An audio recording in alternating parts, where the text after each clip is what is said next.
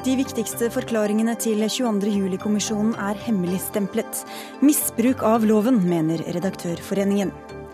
Kritikken mot det nye nødnettet har vært massiv, men sjefen for det hele holder fast ved at det fungerer godt.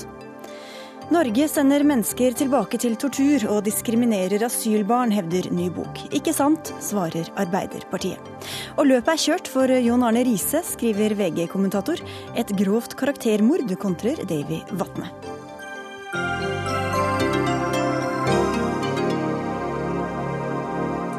Vel møtt til ukas eh, første Dagsnytt 18 på P2 og NRK2, hvor vi også får besøk av den nye NHO-direktøren Kristin Skogen Lund, og forfatteren av en ny bok om Israel. Jeg heter Sigrid Solund.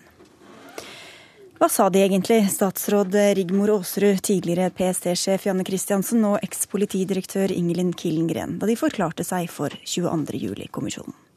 Det har vært spørsmålet etter at kommisjonens rapport ble lagt fram, men alle journalister som har bedt om innsyn i forklaringene, har fått beskjed fra Riksarkivaren at redegjørelsen er hemmelig, skriver Aftenposten i dag. Arne Jensen, assisterende generalsekretær i Norsk redaktørforening, du er ikke særlig fornøyd med dette. Hvorfor ikke? Nei, fordi dette dreier seg om de formelle forklaringene til eh, svært fremstående embetsmenn og politikere i en av de, eh, ikke en av de, den mest dramatiske saken som har rammet Norge siden andre verdenskrig. Eh, det ligger betydelig eh, informasjonsverdi i disse forklaringene, i disse dokumentene. Ikke bare historisk, men også i nåtid. Og Derfor er det nokså uforståelig, syns vi, at de forklaringene og de dokumentene skal holdes hemmelige. Hva kunne og burde Riksarkivaren ha gjort?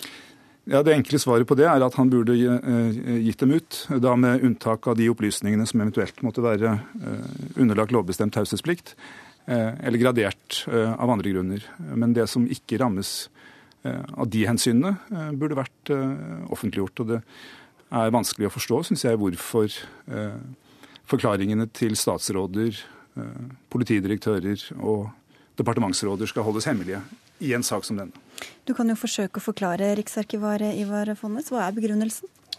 Ja, nå er det slik at Disse eh, forklaringene blir jo innhentet av kommisjonen som grunnlagsmateriale for, for eh, kommisjonens vurderinger og konklusjoner.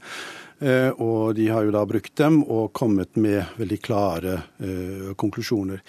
Vi har overtatt dette materialet i det øyeblikk kommisjonen avga sin rapport altså helt ferskt. Og vi har da eh, lagt til grunn at eh, dette fortsatt er internt materiale for kommisjonen. Eh, og det har vi da hjemmel til etter offentlighetsloven paragraf 14. Så er vi forpliktet til å vurdere såkalt meroffentlighet, og det har vi da gjort. Skal, det er et skjønn hvor man skal avveie hensyn for eh, offentliggjøring og hensyn for å holde det tilbake. Og vi har da falt ned på at det er hensyn til skjerming som, som veier tyngst. Det kan jeg forklare nærmere hvis det er mm. ønskelig. Ja. Er det adgang til dette? Nei, det er jo etter mitt syn helt feil bruk av den unntakshjemmelen som man har brukt, nemlig for intern saksbehandling. Det er en hjemmel som er ment å skjerme pågående saksbehandling i forvaltningen hvor man utveksler notater, forslag, ideer, utkast osv. Det kan det finnes en grunn til. I, I en pågående prosess? I, I, pågående prosesser. I dette tilfellet her så dreier det seg om en avsluttet saksbehandling. Det er eh, dokumenter bygget på forklaringer ikke innad i forvaltningsorganet, men fra utenforstående. Saksbehandlingen er avsluttet, kan ikke forstyrres. Og det forvaltningsorganet, hvis saksbehandling man skal skjerme, er sågar i og for seg oppløst fordi at deres oppdrag er fullført. Ja. Ja, eh, Vi har jo da vurdert dette slik at eh, det, det, er ikke slik at man ikke kan skjerme interne dokumenter etter at saksbehandlingen er avsluttet. Og Det er også i veiledningen til offentlighetsloven gjort klart at man kan ta hensyn til langsiktige virkninger. Eh, og Det er et av hovedpunktene våre, nemlig det at hvis man offentliggjør slike eh, rapporter kort tid etter at eh, forklaringen er avgitt, så vil det kunne skape problemer for senere granskingskommisjoner, som da skal innhente viktig informasjon, kontroversiell informasjon fra forskjellige Men måtte de ikke forklare seg? Hvordan kan en i en sånn situasjon nekte å forklare seg? Man kan, kan nekte, man kan ikke nekte å forklare seg, men man kan jo kanskje Altså det er jo mange måter å håndtere det på, og det å få den usminkede sannhet som man her eh, er ute etter, og helt sikkert har fått, det er jo ikke alltid like lett i en sånn sammenheng. Ja, Og, og dette er jo gjerne tilføye at dette dreier seg ikke kun om samfunnstopper, det dreier seg også om eh, vanlige offentlige tjenestemenn, og der et, vi har vurdert dette samlet for alle disse intervjuene og behandlet dem likt. Det er interessant at Fonnes eh, bruker ordet usminket, for husker jeg ikke feil, så sa statsminister Stoltenberg at det var akkurat det vi skulle få. Ja. Vi skulle få den usminkede sannheten, ja. Eh, og den burde Riksarkivet gi oss. Eh, og Så nevner du Justisdepartementets veileder. Det er også interessant, for i Justisdepartementets veileder står det følgende i den vurderingen som dere skal gjøre. En må særlig legge vekt på om det er stor allmenn interesse knytt til det spørsmålet som dokumentet eller opplysningene omhandler. Dersom dokumentet gjelder ei sak av stor allmenn interesse, er dette et moment som taler for å gi meierinnsyn. Eh, og Jeg tror man skal lete en stund for å finne en sak som har større allmenn interesse enn denne saken her. Hvordan rettferdiggjør å holde disse dokumentene unna hele det norske folk, som alle mer eller mindre grad følte seg berørt av det som skjedde? Kommisjonen har fått i oppdrag å levere den unnsmykede sannhet, og det har jo de gjort. Og så har de brukt dette som et grunnlagsmateriale. Dette materialet var jo ikke innhentet for, uh, for, å offentliggjøres, men det var som grunnlagsmateriale for kommisjonen. Men hvordan skal norske journalister da gå dem i sømmene når man ikke vet hva de har tatt utgangspunkt i? Uh, norske journalister har jo da uh, denne rapporten å forholde seg til. Og vi har som sagt vurdert det slik at vi ikke finner det riktig å eh, eh, offentliggjøre disse rapportene nå på dette stadium. I frykt for hva som kan skje ved en eventuell senere lignende prosess? I tillegg til at vi har vurdert dette som materiale som da er innhentet som grunnlagsmateriale, og som ikke har vært innhentet for publikasjon. Men det er de momentene som er lagt til grunn, ja. Og så vil jeg da tilføye at i veilederen til offentlighetsloven så står det også da at eh, på side 65, jeg og har jeg ikke den med meg her Den kan du få, kan du få se her. Den har jeg. Det er veldig behjelpelig motdebattant her. En kan likevel òg legge vekt på mer langsiktige skadevirkninger av å gi innsyn. Dette vil særlig være aktuelt for interne dokument som kan holdes utenom innsyn etter paragrafene 14 og 15. Så det er uklart juridisk, da, eller dette kan tolkes den ene eller andre veien, eller legges vekt på ulike ting? Vi må huske på at eh, når man vurderer mer offentlighet, så er det en skjønnsmessig vurdering. Det er ikke, altså Da må man vurdere mot hverandre. Det er en skjønnsmessig vurdering som vi har gjort på et forvaltningsmessig grunnlag. Så er det jo slik at uh, disse avgjørelsene de er jo nå anket i to tilfeller innenfor Kulturdepartementet, som jo er ankeinstans. Og så får vi da se om uh, Okay. På det nivået vil... Men, men, men, Jensen, hvorfor holder det ikke at norske journalister kan se på konklusjonene fra rapporten og alt hvordan de har vektlagt ting? Hvorfor må dere ha det grunnlagsmaterialet? For, fordi at det kan være viktig å se om kommisjonens konklusjoner, eh, hvordan de er veid opp eh, mot det underlagsmaterialet kommisjonen har å bygge på. Eh, og det er jo ikke slik at eh, diskusjonen og granskingen av hva som skjedde før og etter 22.07. i norsk forvaltning stanser med 22.07-kommisjonen. Det ville, vært, eh, det ville jo vært, et nederlag. Men Kan det fyre opp for en sånn personjakt, da? Hvem som må gå, og hvem som gjorde hva? Det er godt mulig, det vet jeg ikke. Men Poenget er jo at de forklaringene som de personene dette gjelder, har avgitt det, Dette dreier seg jo ikke om sakesløse eh, privatpersoner. Det dreier seg jo i stor grad, selv om det er på litt forskjellige nivåer, så dreier det seg i stor grad, og de som har mest interesse, dreier seg om embetsmenn og politikere som med viten og vilje har søkt posisjoner og makt og innflytelse, og som har avgitt en helt formell forklaring til en offentlig oppnevnt kommisjon. Det ligner mindre, etter mitt syn, på forvaltning og mer på eh, den situasjonen vi har når man forklarer seg i en rettslig prosess, om man burde strengt tatt legge det regelverket til grunn for den type avhør.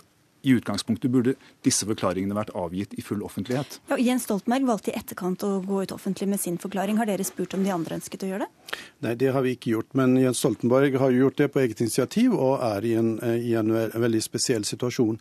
La meg også tilføye da at hvis man velger å hvis vi hadde valgt at, eh, at å, å, bruke mer offentlighet, altså å gjøre dem tilgjengelig, så kommer det jo et neste nettverk, neste trinn som fanger opp uh, dette her, som også Jensen var inne på, nemlig det med, med uh, gradering etter sikkerhetsloven og taushetsbelagt informasjon.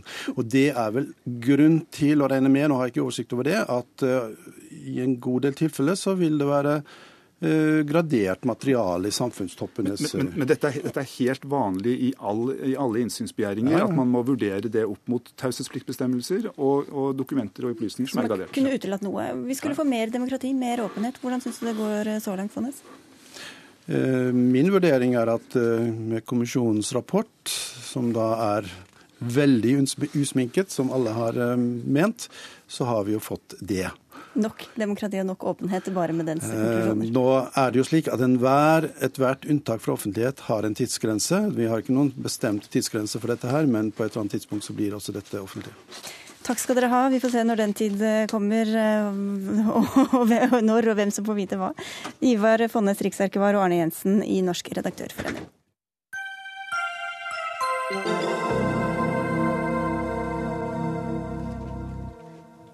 Fotballspilleren eh, Jon Arne Riise delte tankene sine om jantelov, negativitet og hjembyen Ålesund på nettstedet Twitter kvelden før landskampen mot Island forrige uke. Det fikk begeret til å renne over for eh, VGs sportskommentator. I helgen tok Truls Dæhlie et oppgjør med Rises oppførsel. Dæhlie, sportskommentator i VG, altså. Hva var det han gjorde og sa som fikk deg til å skrive en såpass nådeløs kommentar som du leverte? Eh, det han gjorde, var å legge ut eh, noen meldinger på Twitter som, som jeg reagerte sterkt på. Eh, og han gjorde det på et tidspunkt som gjorde at jeg nettopp reagerte som jeg gjorde.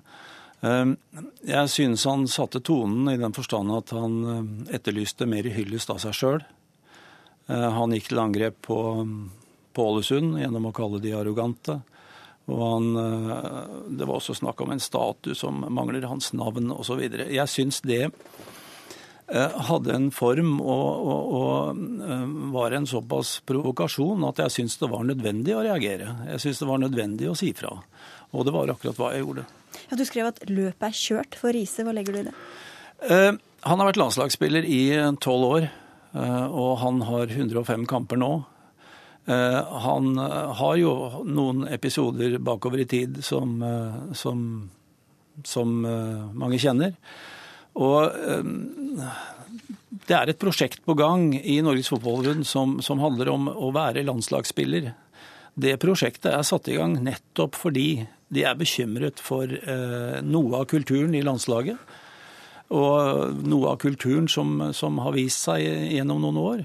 Og mm, det er slike episoder eh, man, En slags egokultur? Eh, ja, kall det gjerne det. Og jeg syns dette var en del av det, og jeg syns det var verdt å reagere på det. Bare for å nevne det, så har vi jo også invitert Riise selv, men han har takket nei. Devi Vatne, sportsjournalist i TV 2, du eh, reagerte litt på denne kommentaren.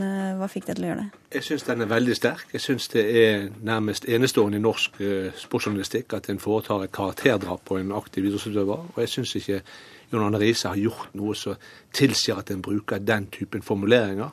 Ikke bare eh, avslutninger, men også måten en fremstiller ham på. Han har levd i det offentlige rom, han har vært på utstilling hele sin karriere, hele sitt liv. Vi har fulgt alle hans feiltrinn og alle hans fulltreffere. Vi kjenner han ut og inn. Og Truls Dæhlie vet like godt som jeg at uh, John Arne Riise er en uh, ganske naiv, velmenende, umoden fyr som er blitt lurt trill rundt. Er, det, er du noe hyggeligere nå, da?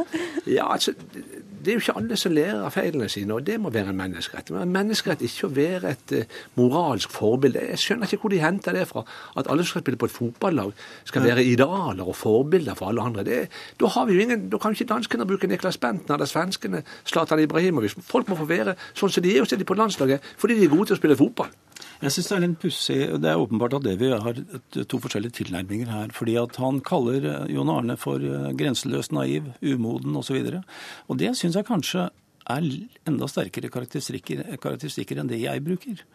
Uh, når jeg, når, altså, når, jeg, når jeg sier jeg tror løpet er kjørt, så handler det om tolv års læring på landslaget. Og jeg syns det han gjorde på Island, viser at han ikke har lært så veldig mye. Han vil jo bare tror... bli litt mer verdsatt, er det ikke det det går på? da? Jo, og det er jo, som jeg sier, en øvelse som er litt vrien. Det å etterlyse mer hyllest av seg sjøl. Uh, John Arne Riise er hylla ganske kraftig for prestasjonene på banen. Han vil ha mer. Og som jeg skriver, uh, når du gjør det, så mener jeg at da ender du til slutt opp som en tufs. Og, og det syns jeg det må være tillatt å skrive, og tillatt å mene. For jeg syns det, det Der ligger det en selvforherligelse som, som jeg ikke uh, har veldig sans for.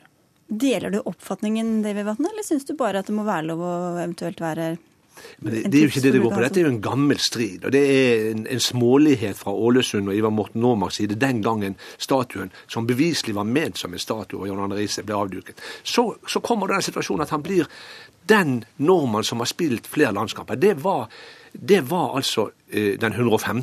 på Island som markerte det. Så sier han kanskje jeg nå kan få den anerkjennelsen. Og det er en twittermelding. Tenk hvis folk skulle brette ut alle våre SMS-er og alle våre twittermeldinger, ta de ut av sammenhengen, ta vekk provokasjonene, så ville det ta seg dårlig ut for ganske mange av oss.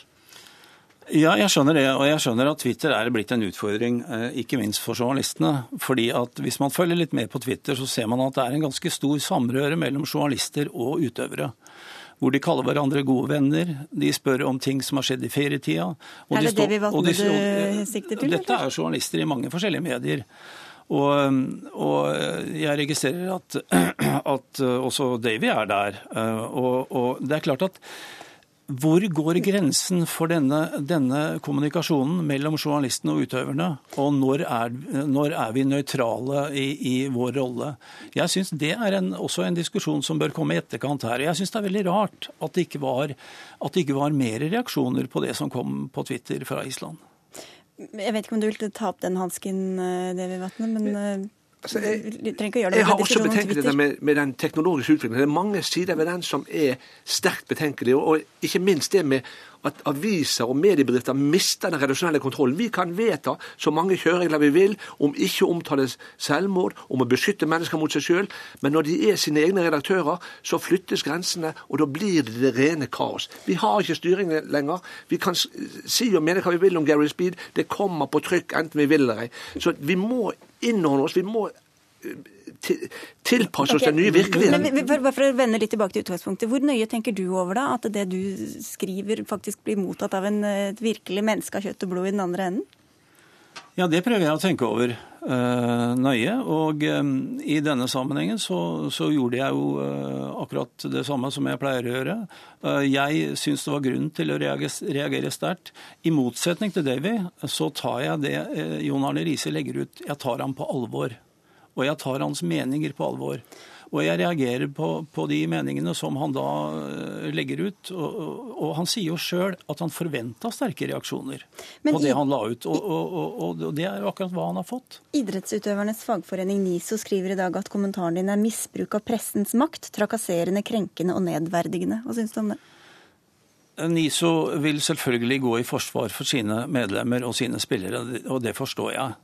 Men hvis det er altså, Det brukes ord som karakterdrap her.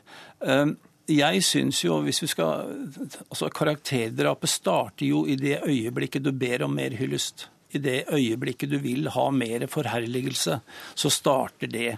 Så jeg, jeg, jeg, jeg tekstmeldinger, Truls. Du kan ikke frakjenne et menneske all ære. Det er noe harmløse filleting, gammel drit som virvles opp, og så har han ikke dømmekraft nok til å la, la være å sende det.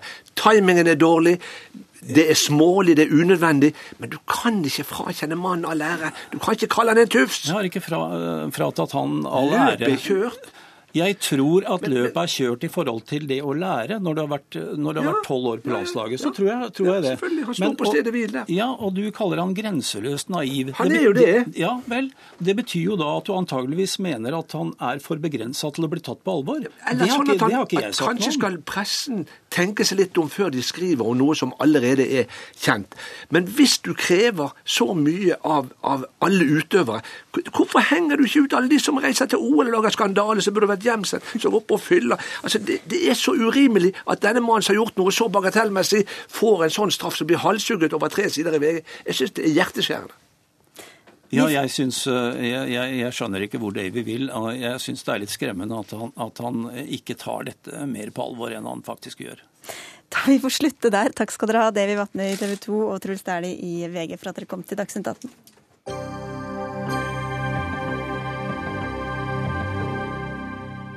For da må vi ønske velkommen til Dagsnytt 18 til Kristin Skogen Lund. Og gratulerer med ny jobb som eh, ny administrerende direktør i NHO.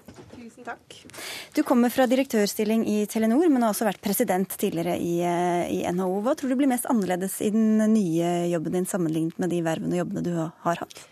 Det er jo noe annet å lede en interesseorganisasjon enn å, enn å, være konserndirektør i en stor bedrift. Eh, og i forhold til presidentvervet så blir det jo nå en heltidsgeskjeftigelse, men jeg ser frem til det å kunne fokusere enda mer på det. Hva er de største utfordringene NHO står overfor nå? Jeg tror det er veldig viktig for NHO å være flinke til å eh, skape forståelse for eh, næringslivets rolle og behov. For det er viktig for alle i Norge at næringslivet lykkes, for det er til syvende og sist det vi alle lever av. Og så har vi jo en del kjernesaker som vi er opptatt av. Eh, kompetanse og utdanning er f.eks. en av dem. Og det at det skal være enklest og best mulig å drive bedrifter i Norge. Men dere er jo da en eh, organisasjon som skal forene mange interesser. Hvordan skal du greie å forene dem til en oljeindustri som har råd til høye lønninger, til en eh, eksportindustri med sine interesser, og små gründervirksomheter som vil helt andre ting? Ja, det er riktig det. Det er et veldig bredt sammensatt fellesskap, og det reflekterer jo egentlig da norsk næringsliv. Små og store bedrifter og forskjellige bransjer.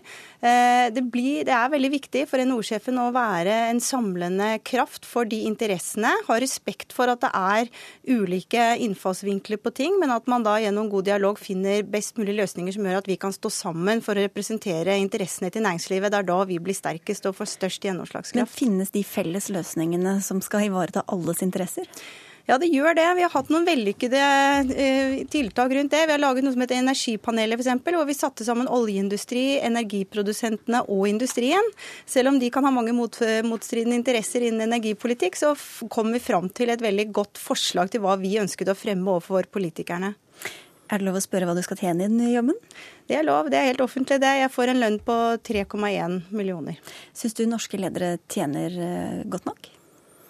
Eh, ja, det, jeg syns jo at vi har gode avlønninger generelt sett. Eh, og det er eh, Jeg er jo opptatt, vel, jeg er opptatt av at det skal være en balanse i, i, lønningene. Og skal man kreve moderasjon, så må man gjøre det på alle nivåer. Men jeg syns kanskje at vi av og til det er litt for lett å skyte på noen enkelteksempler når det gjelder lederlønninger, og så blir det til en generell sannhet at alle tjener for mye. De aller fleste ledere i Norge tjener ikke spesielt godt. Men syns du norske arbeidstakere tjener for godt?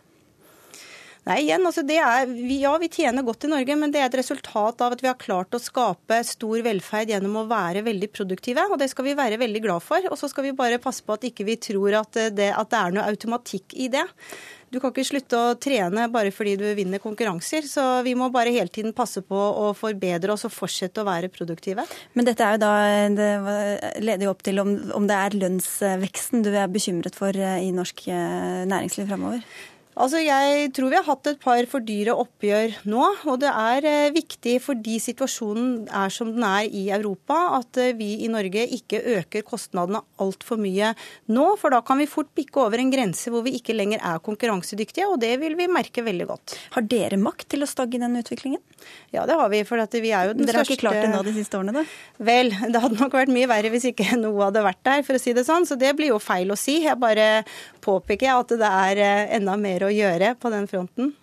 Frykter du som enkelte gjør at oljeindustrien snapper opp de beste ingeniørene, de beste hjernene, beste studentene foran andre, f.eks. For fornybar energisektor?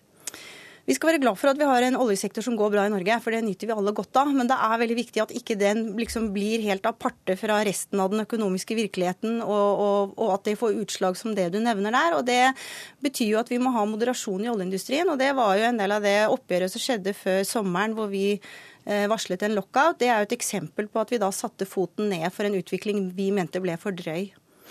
Dere har sluttet å gi penger til Høyre, men håper du på regjeringsskifte til neste år? Jeg tror ikke jeg skal uttale meg om det, for det er viktig for NHO å samarbeide veldig godt med den regjeringen som til enhver tid sitter ved makten. Men det er klart det kan komme spennende endringer med et regjeringsskifte. Og skulle det skje, så vil vi selvfølgelig se hvordan vi best kan samarbeide med en ny konstellasjon. Men du vil ikke fornærme næringsminister Trond Giske? Nei, jeg vil ikke fornærme noen. Takk skal du ha, Kristin Skogen Lund, Stene Medios økonomikommentator her i NRK. Er det riktig person til riktig tid? Ja, det tror jeg det er. Og det er veldig mange positive forventninger til Kristin Skogen Lund i næringslivet og i, hos medlemmene for tiden. Hun har jo mange av de egenskapene de, de ønsker seg. Eh, når man snakker med medlemmene i dag, så sier de at dette er en eh, likandes eh, dame eh, med mye godt vett og med gode holdninger. Og at hun også forstår hvilket land hun bor i. Hun forstår den norske modellen. Hvor mektig er NHO i dag? NHO, NHO, har vært mektigere enn i dag. Eh, de har, de har vært veldig sterke. Men eh, de har jo måttet avgi noen medlemmer til konkurrenter rundt omkring. Det har også ført til at de har fått litt færre medlemskroner inn i kassa, som igjen har lagt et press på organisasjonen. Styret har ønsket at de skal kutte kostnader. Bernander har ønsket at det er flere medlemmer. Dette har vært et lite, lite trykk på organisasjonen. Så det er på en måte mange, en del av utfordringene hennes nå. det er å løfte opp NHO til å bli så viktig som eh, NHO bør være. Og Hvordan skal hun som vi var inne på, klare å samle interessene til alle de forskjellige bedriftene som er medlem? Jeg tror det er viktig at eh, NHO er en næringslivsorganisasjon og ikke bare en arbeidsgiverorganisasjon. At det er en organisasjon som peker fremover, evner å samle krefter mot å skape det nye næringslivet som hun selv er innom nå.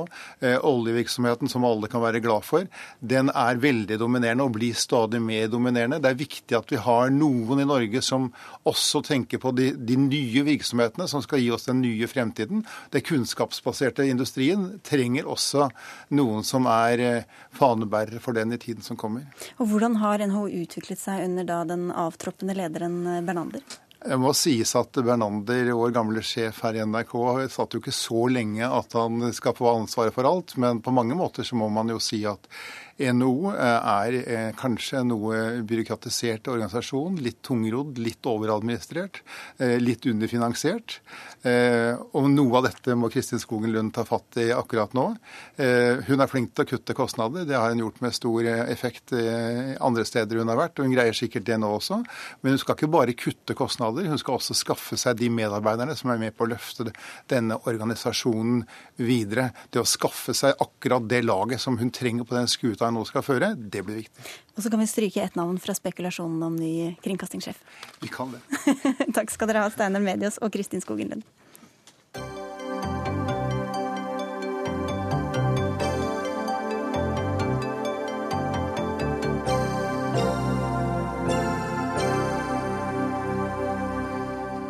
Norsk asylpolitikk er iskald og inhuman, og mennesker sendes tilbake til tortur. Det står å lese i boka 'Svartebok over norsk asylpolitikk', som kommer ut i disse dager. Rune Berglund Steen, du har skrevet denne boka, og du kritiserer mange ting i den. Hva er det du først og fremst er bekymret for ved norsk asylpolitikk? Det jeg først og fremst er bekymret for, er den generelle utviklingen, hvor, hvor altså den kontrollen som man må ha i asylpolitikken, ikke lenger er balansert sånn som den i stor grad pleide å være, med en, en bevissthet omkring behovet for humanitære hensyn når ting blir for ekstreme, når konsekvensene for de som omfattes av politikken, blir for dramatiske. Eh, det har kommet inn en, en ensidighet. En lang serie med innstramninger eh, gjennom år etter år, og veldig få humanitære og rettssikkerhetsmessige tillempninger. Og, og, den ensidigheten medfører at en del av menneskene som omfattes til, eh, av systemet, både først ikke får den beskyttelsen de har behov for, men i stedet for å få den beskyttelsen, eh, blir mer eller mindre ødelagt. Så det, alt overskygges av eh, kravet til at vi skal dempe innvandringen, dempe asylinnvandringen til Norge? Det har blitt et voldsomt kontrollfokus. Et voldsomt fokus på at, at man er veldig redd for at den minste bevegelse man vil gjøre i, i humanitær retning, vil medføre at det nærmest vil velle inn mennesker. Og, og denne nesten litt paranoide frykten gjør at man da lar mennesker virkelig gå til grunne, både i våre gater og på våre asyl asylmottak.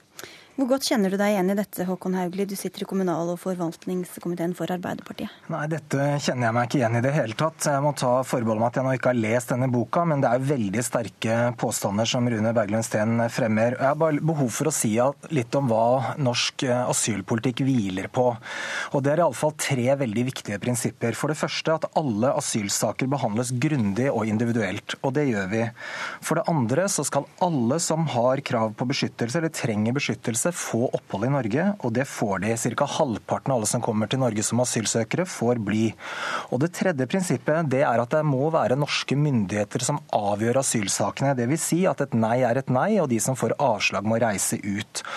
Alle disse prinsippene er jo gjenstand for diskusjon og hvilke kriterier vi legger til grunn, men for oss i Arbeiderpartiet er det viktig at dette eh, ligger fast. Og De endringene Rune Berglund Steen påstår har skjedd, har ikke utfordret disse hovedprinsippene, og vi har ikke hevet terskelen for hvem som har et beskyttelsesbehov. Men er du enig i at det har vært en innstramming og en annen tone i innvandrings- og asylpolitikken? Altså jeg registrerer det har vært en, kanskje en annen tone i debatten, men nå eh, mener jeg det er ikke vi som er ansvarlige for det. Tvert imot. Ok, Men en innstramming i selve politikken, da? Det, det, har vært gjort noen innstramninger, bl.a. når det gjelder kravet om klarlagt identitet og familieinnvandring. Men som sagt, regjeringen har ikke hevet terskelen for hvem som får beskyttelse, og det er kjernen i asylinstituttet. Og samtidig så har vi styrket barns rettigheter og rettssikkerhet. Nå, eh, vi... Senest nå på fredag så kom det jo forslag som innebærer at eh, barn, eller det vil si asylsøkere med barn kan få oppholdstillatelse oppholdstillatelse og myndighetene bruker mer enn 15 måneder på saksbehandling. Så dette er ikke et ensidig eh, bilde. Eh, og det er mange krevende vurderinger, for det står mye på spill for, for den enkelte asylsøker.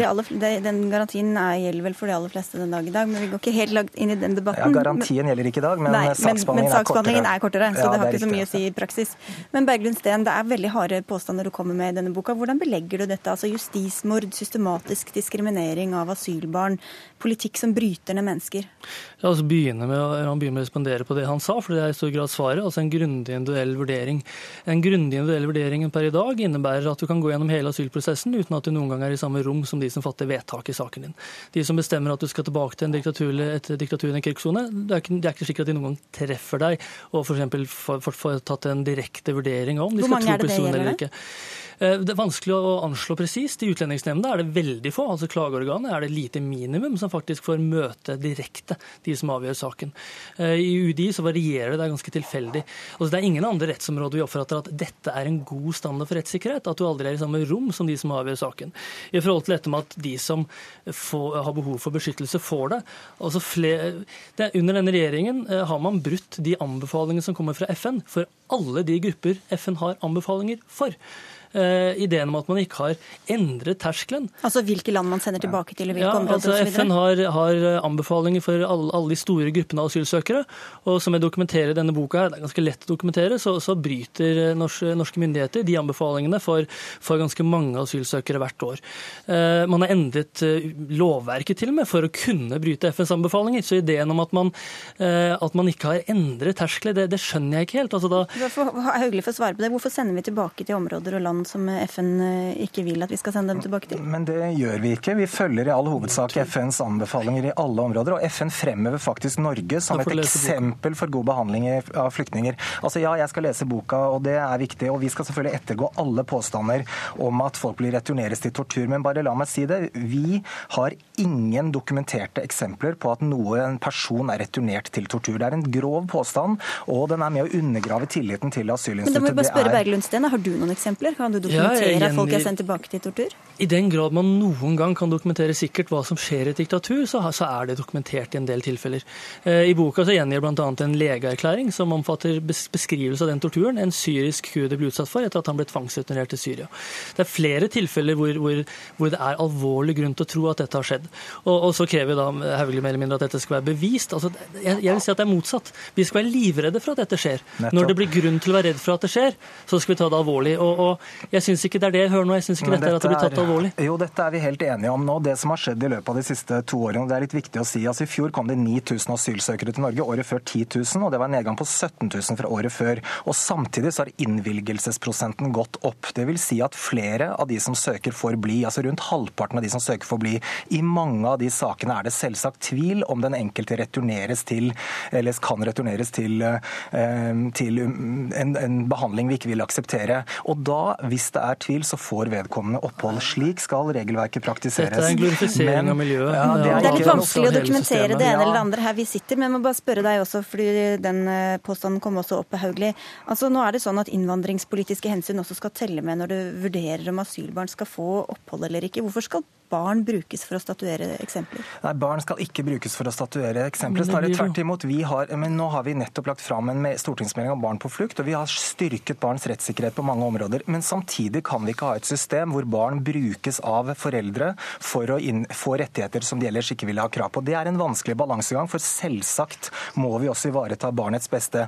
Men å gjøre barn til et verktøy for voksne er ikke barns beste. Men er det ikke det regjeringen gjør, hvis den også bruker innvandringshensyn, politiske hensyn, for å si nei? Nei, det er ikke det vi gjør. Vi legger til grunn barnets beste ved alle vurderinger, og det er helt klart og uttrykkelig slått fast fra Stortingets side. Men la meg bare gå også i rette med denne påstanden om at vi har altså brutal eh, asylpolitikk. Altså, Norge er altså det land, har vært sammen med Malta det landet i Europa som har tatt imot flest asylsøkere i forhold til innbyggertall, og mange flere per innbygger enn land som Finland og Danmark. Og vi er det nest største i faktiske tall mottakere av kvoteflyktninger i Europa, og tredje største bidragsyter til FNs høykommissær for flyktninger. Da vil jeg spørre Rune På slutten. Som uh, Lar Hauglie si ganske mye her. Du må svare helt kort. Eh, altså for Denne retorikken med, foreldre som bruker sine barn, det er en ganske fæl ting å tillegge foreldre så kyniske motiver. Foreldre som ofte er livredd for sine barn, som nettopp setter sine barn først. Eh, men eh, Mener du at ja, alle med barn skal få bli i Norge? Da la meg stille spørsmålet sånn. Er det slik at så lenge man har barn, så skal man, hvis man fører subjektiv uro for barnets fremtid, skal man få bli i Norge? Er det din holdning? I så fall ønsker du en hvis annen innvandringspolitikk. Hvis barna blir boende i mottak i år etter ja, år men... etter år uten en løsning, så mener jeg at Og det, det har det nok Barn på flukt ja, dette, adressert. Men Berglund, bare svar helt kort, for jeg har et siste spørsmål til deg. Mm. Ja, Du får svare helt kort på det han sa. Ja, takk. Som sagt, hvis barn blir sittende år etter år i mottak, slik dere har latt dem, ja, så mener jeg at de skal få opphold. Fordi uansett hvilke motiver dere tillegger foreldrene, så må hensynet til barna stå først. Ja, Det er enig, og det dere har endret, altså det merket dere har etterlatt på asylpolitikken, Nei. er først og fremst at dere også har vært villige til å la innstramning gå utover barna. Nei, det har... okay, der er dere helt uenige. Der kommer dere ikke til å bli enige heller. og nå er det altså jeg kommet denne storting... Du avbryter meg hele tiden. Det er jeg som avbryter deg akkurat nå, for jeg skal spørre helt til slutt. Hvordan hadde norsk asyl- og innvandringspolitikk politikk sett ut hvis du fikk det som du ville? Hvor mange hadde fått komme og bli i Norge da? Det jeg er ute etter, er, Jeg skjønner at man ikke kan snu alt opp ned over natta. Det jeg er ute etter, er at man prøver. At man prøver å finne de humane løsningene. At man ikke er komfortabel med at barn, unge, voksne eh, lider overlast, slik tilfellet dessverre er nå. Men kan jeg få lov å si da, det som er aller viktigst, er rask saksbehandling, rask retur. Det er viktig for den enkelte, og det er viktig for å ivareta de hensyn som vi vil trygge. Det er de som har behov for beskyttelse, får det, og det gjør de ikke i dag. Takk skal dere ha, Rune Berglund Steen, forfatter og stortingsrepresentant for Arbeiderpartiet, Håkon Haug. Hauglie.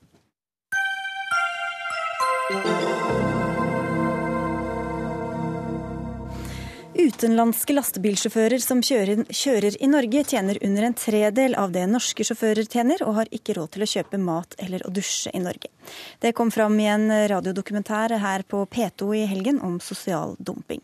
Nå mener Norges Lastebileierforbund at disse sjåførene er en trussel for jobbene til norske sjåfører og for sikkerheten på veiene.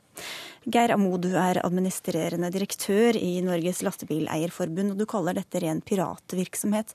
Hva er det disse sjåførene gjør galt? Ja, det er ikke først og fremst sjåførene som gjør noe galt. fordi at Sjåførene de forsøker vel å gjøre en eh, god jobb innenfor de rammebetingelsene som de er utstyrt med fra sine firmaer og sine, sine selskaper. Eh, det som er Utfordringa er jo at denne virksomheten er ulovlig i henhold til norsk lov. Skal du drive godstransport i Norge, så skal du ha løyve. Du skal ha ansatte som har eh, hatt en stor opplæring og må følge det. Og får lønn og arbeidsvilkår etter norsk standard. Mens disse sjåførene som jobber i utenlandske selskaper, som eh, bryter det regelverket som finnes for, eh, for nasjonal godstransport i andre land enn der de sjøl hører hjemme, eh, de undergraver altså det norske markedet, de undergraver norsk transportnæring. Og det må vi få slutt på. Vi kan ikke ha Hvordan det sånn. er det de undergraver det? Hva er det de gjør? Ja, vi kan ikke ha det sånn i Norge at vi har en sosial underklasse på, som opererer i vårt land. Altså, Vi har mange tiår, for ikke å snakke om 100 års tradisjon, for å operere med anstendige og utvikle anstendige lønns- og arbeidsvilkår for folk som jobber i dette landet. Og det må jo gjelde overalt. Men hvis de er ansatt i andre land, hvorfor skal de ikke få lønn ut fra det vi, hadde, Vi, vi aksepterer jo ikke at det kommer inn utenlandske byggefirmaer og opererer med luselønn og dårlige arbeidsvilkår på byggeplasser. Vi aksepterer det ikke i helsevesenet. Vi aksepterer det ikke i i, i renholdsbransjen. Vi aksepterer det ikke i servicebransjen. Hvorfor skal vi da akseptere det i transportbransjen? Det var vel et retorisk spørsmål som du kan prøve å svare på, Erik Landstein fra Senterpartiet, statssekretær i Samferdselsdepartementet. Hvorfor gjør dere ikke noe med det?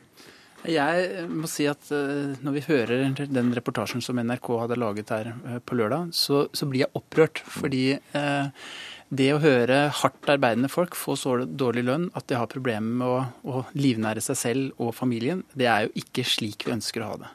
Og dette er på mange måter skyggesiden av visjonen om det grenseløse Europa, hvor eh, arbeidskraft og kapital og varer og tjenester skal flyte fritt over, arbeid, over landegrensene, og hvor EU-kommisjonen er en sterk pådriver faktisk for at disse grensene skal bygges mest mulig ned, og at man skal ha lov til, som tjenesteyter og som arbeidstaker, å yte sine tjenester over landegrensene i et ganske betydelig omfang, samtidig som man beholder lønns- og arbeidsvilkår fra hjemlandet. Men hva har dere gjort da for å gjøre noe med det? Nei, det vi eh, vurderer, eh, det er jo om eh, Og her er det en tariffnemnd i Norge som ser på det, men allmenngjøring av tariffavtaler er noe vi har gjort i forhold til byggebransje og renholdsbransje. og eh, hvor vi har satt i gang en rekke tiltak for å hindre sosial dumping fra regjeringens side.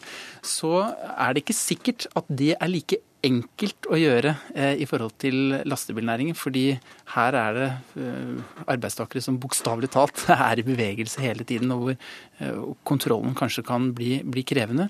Men regjeringens utgangspunkt er det samme som Mo gir uttrykk for. Altså, vi mener jo at folk som gjør en, eh, en, skikkelig jobb, eh, skal ha den samme lønna, de samme arbeidsvilkårene. Så dere sender, sender, en bønn til arbeidsgiveren, da, eller hva er det nei, tiltakene går ut på? Nei, dette allmenngjøringsinstituttet, det innebærer at de som Men du sa at dere ikke visste om dere ville gå inn for den gang? Vi vet ikke om det vil kunne fungere. Jeg skulle jo ønske at EØS-avtalen, altså som senterpartist, så mener jeg jo at vi burde hatt mye større grad av, av selvstyre i forhold til EU. Men om dette allmenngjøringsinstituttet instituttet, det at man stiller krav om at alle arbeidstakere i en bransje skal ha de samme lønns- og arbeidsvilkårene, uavhengig av om de er organisert eller ikke. Det er det en egen nemnd som vurderer. Men spørsmålet er om det i det hele tatt er lov eh, i forhold til den bransjen, i forhold til EU-regelverket, i forhold til grensekryssende transport, og om det er praktikabelt. Få høre med Mo. Hva, hva savner du av eh, tiltak? Ja, for det første så har jeg lyst til å si at Dette med allmenngjøring av tariffavtaler kan absolutt være noe som kan vurderes. Men det som man kan gjøre mye tidligere, det er jo å styrke kontrollen på grensene. Du kommer etter meg bekjent ikke inn i Tyskland hvis du ikke har orden på vogntoget ditt. I Norge så er kontrollene for dårlige. Hvordan skal de sjekke vet, en sånn, ved en sånn, en sånn kontroll? Jeg vet at Landstein ønsker å gjøre noe med det, men det er kanskje andre krefter enn Samferdselsdepartementet som hindrer han i det. Eh, men der kan man gjøre noe. Man kan styrke grensekontrollen ordentlig. For dette har jo ikke dette Men skal man sjekke, sjekke lønnskontrakten til sjåføren? Ja, for, men dette er jo egentlig tre debatter. Det er en debatt som handler om sosial dumping, det er en debatt som handler om ulovlig eh, godstransportvirksomhet i Norge, og det er en debatt som handler om, om kabotasje generelt. Og Kabotasje, altså at utenlandske selskaper har lov å operere innenfor Norge, det er et internasjonalt regelverk på, som sier at i løpet av syv dager kan du gjennomføre tre turer i Norge. Og Det er greit, det skal håndheves, men det er den ulovlige biten av dette som da undergraver norsk godstransportnæring. Og sånn som vi nå ser dette utvikle seg, så handler det i realiteten om vi vil ha en norsk godstransportnæring eller ikke. Men er, er dette... Da, ja, da, ja, da må vi ha en større kontroll. Da må eh, Landstein og regjeringen og myndighetene gjøre det de er satt til å gjøre, nemlig å håndheve regelverket. Da må de ha offensive kontroller, kraftige bøter, sende kraftige signaler om at sånn vil vi ikke ha det. Og så må de ansvarliggjøre transportkjøperen. For det er norske firmaer som kjøper tjenester av utenlandske selskaper, vel vitende om at den virksomheten disse utenlandske selskapene gjør i Norge, ikke er lovlig. Der fikk du en liste, Landstein. Ja, den var litt lang. Eh, eh, for å begynne med det første først. Det å sjekke lønn på grensa, det får vi nok ikke til. Og spesielt eh, når reglene er som de er. Eh, men Mo har et godt poeng i forhold til at det å ha en eh, betydelig kontroll i forhold til teknisk eh, stand på kjøretøyet, eh, kjøre- og hviletidsregler, det er viktig. og Vi er opptatt av at eh, disse kontrollene skal bli så effektive og så målrettet som mulig. og Her er det også sånn at det er ikke bare antall kontroller, men kanskje mulighet til å målrette det enda mer mot de lastebilene der man vet at sjansen for å finne avvik er større. Sånn at her er det muligheter både for å gjøre mer og gjøre ting bedre. Men dere har ikke vært så opptatt av det fram til nå? Eller? Jo, jeg mener at det har vært, vært i fokus, men, men vi skal være klar over at dette er, altså, det er flere tusen lastebiler som kommer inn over grensen eh, hver eneste dag. Så det er en, en ganske formidabel eh, oppgave. Eh, og, og, jeg mener at her må vi både jobbe mot EU i forhold til reglene der, vi må samarbeide på nordisk nivå, og så må vi da utnytte det handlingsrommet som vi tross alt har, kanskje enda litt bedre enn det vi gjør. Nå kommer jeg rett fra Brussel i dag og har hatt møte med kontoret til Sim Kallas. og Det han etterlyser, det er engasjement fra den norske regjeringen og fra de nordiske regjeringene. De hører bare fra oss i bransjen, men ikke fra regjeringen. Så jeg vil oppfordre Landstein og hans nordiske kolleger til å få en virkelighetsbeskrivelse ned til Brussel, slik at de får med seg hva dette egentlig handler om. Dere har kanskje ikke så mange sånn nettverk nede i Brussel fra Senterpartiet, Landstein? Jo, absolutt. Jeg har faktisk hospitert et halvt år i EU-kommisjonen og har vært, vært heftig og, og hyppig gjest i systemet der. Men jeg er helt enig. Også på den arenaen må vi jobbe mer aktivt. Da får du ta en telefon. Takk skal du ha for at du kom til Dagsnytt 18, Erik Landstein i Samferdselsdepartementet og Geir Amo i Norsk Lastebileierforbund. Hør Dagsnytt 18 når du vil, på nettradio eller som podkast. nrk.no – dagsnytt 18.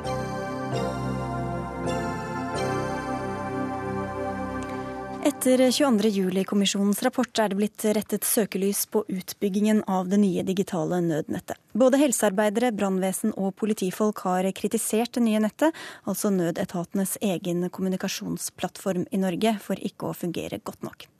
Tor Helge Lyngstøl, direktør ved Direktoratet for nødkommunikasjon, fungerer det godt nok? Tilbakemeldingene vi får fra 8000 daglige brukere, det er i hovedsak bra. Det er et nytt system som er i en fase med tidlig bruk, og vi er helt avhengig av å få tilbakemeldinger fra brukerne, sånn at vi kan sette inn en del korrektive tiltak her og der. Så svaret er ja, det er tilfredsstillende? Ja, til å være på det stadiet vi er nå, så mener vi at det er tilfredsstillende. Nå er det selvfølgelig en utfordring at vi får inn beskjeder fra brukerne, slik at vi kan forbedre det litt her og der. Hvorfor har du fått så mye kritikk hvis det er tilfredsstillende? Ja, det kan du si. Vi har sannsynligvis ikke vært flinke nok til å motta signaler på korreksjoner. Vi har hatt et system som har vært under kontinuerlig utbygging. Vi har hatt veldig fokus på utbygging, at sørge for at hele Norge får et bedre system enn de gamle systemene. Men betyr det at dere har fått stadig tilbakemeldinger, men ikke vært flinke nok til å gjøre noe med det? Vi gjør noe med tilbakemeldingene, men vi, men vi ser nå på tilbakemeldingene vi har fått, at vi kan bli bedre. Vi er i tidlig drift. Du sier det er tilfredsstillende. PST og politiets livvakter tør ikke stole på systemet. Brannvesen, legevakter med tilsvarende historier. Helsedirektøren, som du for øvrig ikke ønsket å møte her på radioen, så seg nødt til å varsle i det offentlige rom at det fortsatt er viktige tekniske mangler. Hvordan kan du si at det holder da? Vi, vi, har fått en del kritikk, særlig for innendørsdekning.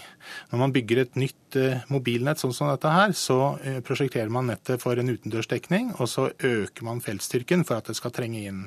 Og Vi ser da at i Oslo-området så er det grunn til å, å, se litt på det, for det trenger ikke godt nok inn.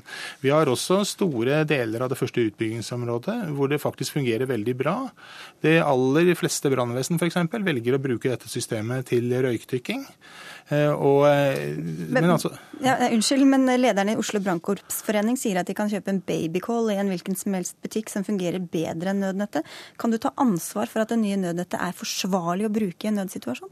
Det, det nye nødnettet er utmerket i de aller fleste situasjoner. Men det, dette med babycallen, ja, det, det, han snakker om, det er til bruk for røykdykkere inne i brennende bygg. Og det er tunge konstruksjoner vi snakker om. Og vi ser jo da at uh, her har man valgt i Oslo og Asker og Bærum å, si, å si at nødnettet ikke er godt nok. Det er de aller fleste, uh, de aller fleste områdene, første trinnene, så bruker de det faktisk innendørs også til røykdykking. Men vi må være klar over at det er en marginal bruk. Hovedhensikten med nødnettet er at det skal fungere over store områder, oppheve, etats, nei, oppheve geografiske grenser, muliggjøre kommunikasjonen på tvers av etatsgrenser. Mm, vi skal få med oss Mats Gilbert, klinikkoverlege ved Universitetssykehuset i Nord-Norge og ansvarlig for akuttberedskapen i Nord-Norge. Blir du beroliget? Overhodet ikke. Vi møter jo den samme totale eh, motstanden i Justisdepartementet. De hører rett og slett ikke på folk. Det er jo nesten Jeg blir nesten stum av, av denne arrogansen til Lyngstøl. Vi vet at funksjonaliteten i det nye nødnettet er så dårlig på helsesiden at Helsedirektoratet gjentatte ganger gjennom Nødnett helse har påpekt at dette faktisk ikke holder mål. Det er for dårlig talekvalitet, det er for dårlig dekningsgrad, og vi får ikke overført de signalene som Stortinget forutsatte. Data på pasientdata, bilde, video og ikke minst det viktige EKG-signalet. Og dessuten, når Lyngstøl sier at dette er helt nytt, så er det altså sju år siden kontrakten ble inngått. Det har vært i drift i tre år på østlandsområdet, og det møter fortsatt ikke de mest grunnleggende krav fra helsesektoren. Det er så forsinket at vi i Nord-Norge ikke kan regne med å få moderne nødnettsdekning, i hvert fall på tre-fire år. Og da er det gått ti år siden kontrakten ble inngått. Så hvordan man kan si seg fornøyd med dette, når så mange brukere med så tung dokumentasjon eh, legger fram disse eh, utilstrekkelighetene, det må jeg si, det forbløffer meg hver gang jeg hører Lyngstøl snakke. Lyngstøl, her er det massiv kritikk fra, fra Gilbert. Ja, det eh funksjonaliteten som finnes i denne teknologien, den er vel kjent også i Helse-Norge. Helse-Norge Helse har vært med på dette prosjektet siden den spede oppstart i 95-96. Det er mange personer i Helse-Norge som, som, bidrar både nasjonalt og internasjonalt, og begrensningene eh, ved teknologien er vel kjent. Eh, når det gjelder talekvalitet, det skal vi se på. Den, skal, den eh, har vi gjort en masse målinger av. Og at det er noen forbedringspunkter der, det er det nok. Men, har, men, sitter dere bare og samler inn det som er mulig å forbedre, eller gjør dere faktisk noe for å forbedre det? Det som har vært opp, vår oppgave så langt, er å sikre at staten får levert det som står i kontrakten med leverandøren. Og vi følger opp de punktene der de ikke gjør det. Og så Med hensyn til funksjonalitet, det har aldri vært en forutsetning at nødnettet skal overføre video. Det har aldri vært et sentralt krav. Det sentrale kravet eh, er gruppeorientert eh, talekommunikasjon. Vi har også eh, ja, Så har jeg også lyst til å si det at jeg er enig med Gilbert på ett punkt, og det er at dette har tatt for lang tid. Det er jeg helt enig i. Men da må vi se litt på hvorfor har det tatt så lang tid. La meg få lov å komme inn et ja. lite øyeblikk. Jeg bare refererer hva helsedirektøren sa i Aftenposten i forrige uke. Han sa at det nye nødnettet skal også være helsetjenestens sikkerhet for at data, f.eks. EKG, og kritisk pasientinformasjon kommer fram. Etter nær tre år i ordinær drift savner Helsedirektoratet en plan for hvordan dette skal komme på plass, slik, det er forutsatt i proposisjonen fra Stortinget.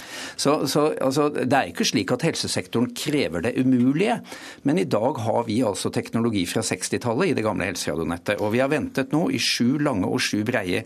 Og når vi da ikke engang får det Stortinget forutsatte, og nå snakker jeg ikke om video, jeg snakker om vanlig datatrafikk og EKG-signaler, så er det ikke så veldig rart at helsesektoren fra topp til bånn sier at dette går for seint, dette er for dårlig, og vi får ikke det Stortinget bestemte at vi skulle få. Men Dette er jo også et system som er i stadig utvikling. Da. Hvor mye kan man forvente at alt skal være på plass eh, innen Nei, altså stadig, stadig, utvikling. Eh, det er klart, nå har de holdt på å utvikle det da i sju år, eh, og det kommer til å ta ti år før det er på plass.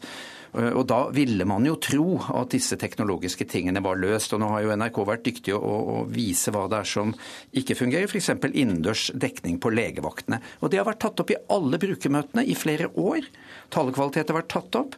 Og, og jeg forstår ikke helt at man nå er så tilbakelent som jeg oppfatter at Direktoratet for nødkommunikasjon er, og såpass arrogant avfeier eh, brukernes bekymringer. Har dere råd til å være så tilbakelent? Jeg hører hva Gilbert eh, sier. Vi adresserer disse problemene. Vårt fremste mål er at, er at, brukerne skal ha en god brukeropplevelse. Samtidig så Men de har jo åpenbart ikke det alle sammen? da? Ja, har, jeg kan vise deg eh, eh, evalueringer som viser en veldig stor grad av tilfredshet. Vi har 8000 daglige brukere. Det er mange som er positive til nødnettet. Ja, men Det skulle ja, bare mangle. Ja, eh, Kan jeg få snakke ferdig? Vi, vi, det er klart vi har 8000 brukere. Ja, vi registrerer at det er en del del eh, forbedringspunkter er det. Det er et helt nytt telenett eh, som, som, det har tatt tid å innføre. Og jeg har lyst til å si det når det gjelder, gjelder tiden. Det første vedtaket om nødnettet det kom i 2004, etter seks års utredning. Og eh, vi, det, det var en voldsom teknologifokus. Og så hadde vi en leverandør som, som fikk problemer. Og det kan vel kanskje ikke vi, vi ta ansvaret for. Altså og så har vi en pause. Okay. Det Gilbert helt på slutten her. Ja, dette skulle vært ferdig på plass i hele Norge for to år siden.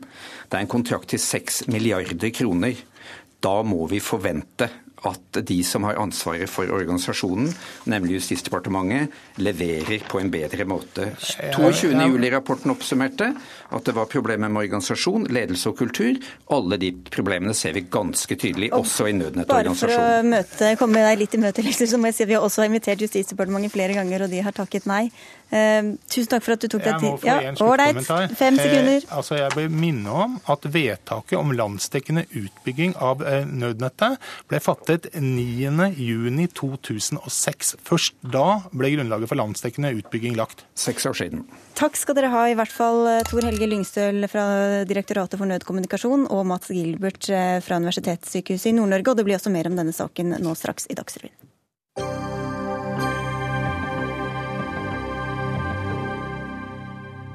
Midt oppi krig og storpolitikk eh, om eh, Midtøsten finnes menneskene som eh, lever livene sine i Israel. Noen av disse, og bakgrunnen for konflikten de lever med, er nå fanget mellom to permer i en bok skrevet av deg, forsker og nå forfatter Hanne Eggen Røslin. Hvorfor vil du skrive denne boka? Det er noe av poenget som du nevnte der. Eh, den, enten man vil eller ikke, så opptar den israelsk-palestinske konflikten eh, mye si, spalteplass, men også den er viktig i internasjonal politikk. Eh, Norge investerer mye penger i den. Vi trenger å vite mer. Og jeg syns det er et paradoks, gitt så mye vi faktisk hører om den konflikten og hvor viktig den er, hvor ofte jeg får spørsmålet hvorfor gjør israelerne dette? Hvem er disse israelerne? Vi trenger å vite, og det er veldig mye vi ikke vet om israelerne israelerne. Hva er den største, mest utbredte misoppfatningen av israelerne, sånn som du ser det? Ja, at de skulle være f.eks. Eh, en homogen masse. At man nærmest bruker israelerne som om det er et uproblematisk begrep. Det er en veldig sammensatt gruppe som eh, Altså, det eneste kjennetegnet på en måte er nettopp at de er så mangfoldige og heterogene og ikke er enige om noe som helst. For du prøver å vise mangfoldet, at det ikke bare er eh, disse religiøse fanatikerne, bosetterne, de politisk kompromissløse som eh, utgjør israelerne. Men hvordan er det for den store massen at det er dette vi forbinder med dem? Det er jo veldig problematisk, nettopp det å bli forbundet med altså, Jeg skrev doktorgraden min i sin tid om uh, israelske soldater. Det er noe med å, gå gjennom sant, verneplikten mens du samtidig har den internasjonale medielinsen og BBC som følger deg gjennom de tingene du gjør. Det er klart at det preger eh, folket. Eh, men det er også det som gjør at det paradoksale er at man, det mediene gjerne trekker fra Det er en liten, eh, det kan dere tenke på. Jeg vet ikke hvor mange ganger jeg har sittet i studio her sant? og vi, vi, har diskutert nettopp konflikten om hvor harde israelerne er. Som om alle menneskene skulle være det. Det, det preger israelerne som folk og blir måten de blir framstilt på, og på mange måter misforstått. da. Men hvorfor velger de da disse kompromissløse politikerne gang på gang? Nei, det, det er jo det andre. så Jeg må punktere at jeg prøver ikke å komme med et forsvarsskritt overskrift her, og det er jo noe av paradoksale. Men vi eh, ser jo gjerne på den israelsk-palestinske konflikten gjennom en sånn rett og feil, okkupasjon, ikke-okkupasjon. Og jeg tror at det overfokuset på konflikt også gjør at vi ikke helt forstår konflikt. Eh, flere ganger har jo israelske ledere blitt diskutert om eh, sant, hvilke problemer det gjør for palestinerne. Er klart, Ut fra et slikt eh, fokus så vil det være veldig vanskelig ofte å forstå hvorfor israelerne velger det. Men klart, internt så er det jo også eh, sosialpolitisk f.eks. Eh, som er store forskjellen mellom høyre og venstre. Og så er det også det at eh, det er ingen tro, eh, eller liten tro i Israel nå på ideologi eller på samtalens makt. Da. Og høyresiden har jo mer eh, tradisjon, hvis vi kan si det sånn, for å gå hardere fram, men også for mange israelere også da være løsningsorienterte. Så kan vi være uenige i det, da, selvfølgelig. Du skriver også at israelerne har med seg historien, som jo er full av grusomheter, på en annen måte enn det vi har her i Norge. Hvordan kan det gjøre noe med muligheten også for å gå videre og finne fredelige løsninger eh, med palestinerne? Det er eh, i hvert fall en utfordring. Det ene er at israelerne forholder seg til fortid og historie på en helt annen måte bare sant, at de har byer som, eller ligger byer i Israel som er Jerusalem og man drar til, sant, til eh, Galilea for å spise is. altså Man forholder seg annerledes til tingene. Men det er klart at det faktum at veldig mange israelere ikke har besteforeldre, f.eks., eh, at det ikke er noe man skal ta for gitt, eh, det er eh, såpass kort siden, og det, ligger, det bærer folk absolutt med seg. Og man ser også at immigrasjonen til Israel, som er ganske stor, som er jo i og for seg hvis vi skulle lært noe av israelerne, er det ikke sant at vi diskuterer problemet med 4000 innvandrere, og at de fikk en million på 90-tallet. Men det at man da, det er så nært ting som faktisk har skjedd, og at de gjør at det er et immigrasjonssamfunn, at de forholder seg f.eks. For franske, franske jødiske migranter forholder seg jo til antisemittisme i, i, Frankrike som et problem, eh, selvfølgelig. Og som altså bidrar til hvordan man, eh, og utfordrer hvordan de faktisk ser på omverdenen. Helt kort også, Du sier at israelerne ser ikke på seg selv som den militære stormakten med overtaket som det vi er mm. vant til å tenke på. Hvorfor ikke? Nei, Det kan man jo se på hvordan det gikk f.eks. i krigen mot Hizbollah, for å nevne noe, eller i Gaza. At det er ikke de store militære seierne som preger Israels historie nå. Og dette var bare en liten smakebit. Resten av boka kan du lese. Takk skal du ha, Hanne Eggen Røslin, for at du kom til Dagsnytt 18, som nå er over for i dag. Ansvarlig for innholdet i den var Dag Dørum, teknisk ansvarlig Lisbeth Sellereite, og i studio satt Sigrid Solund.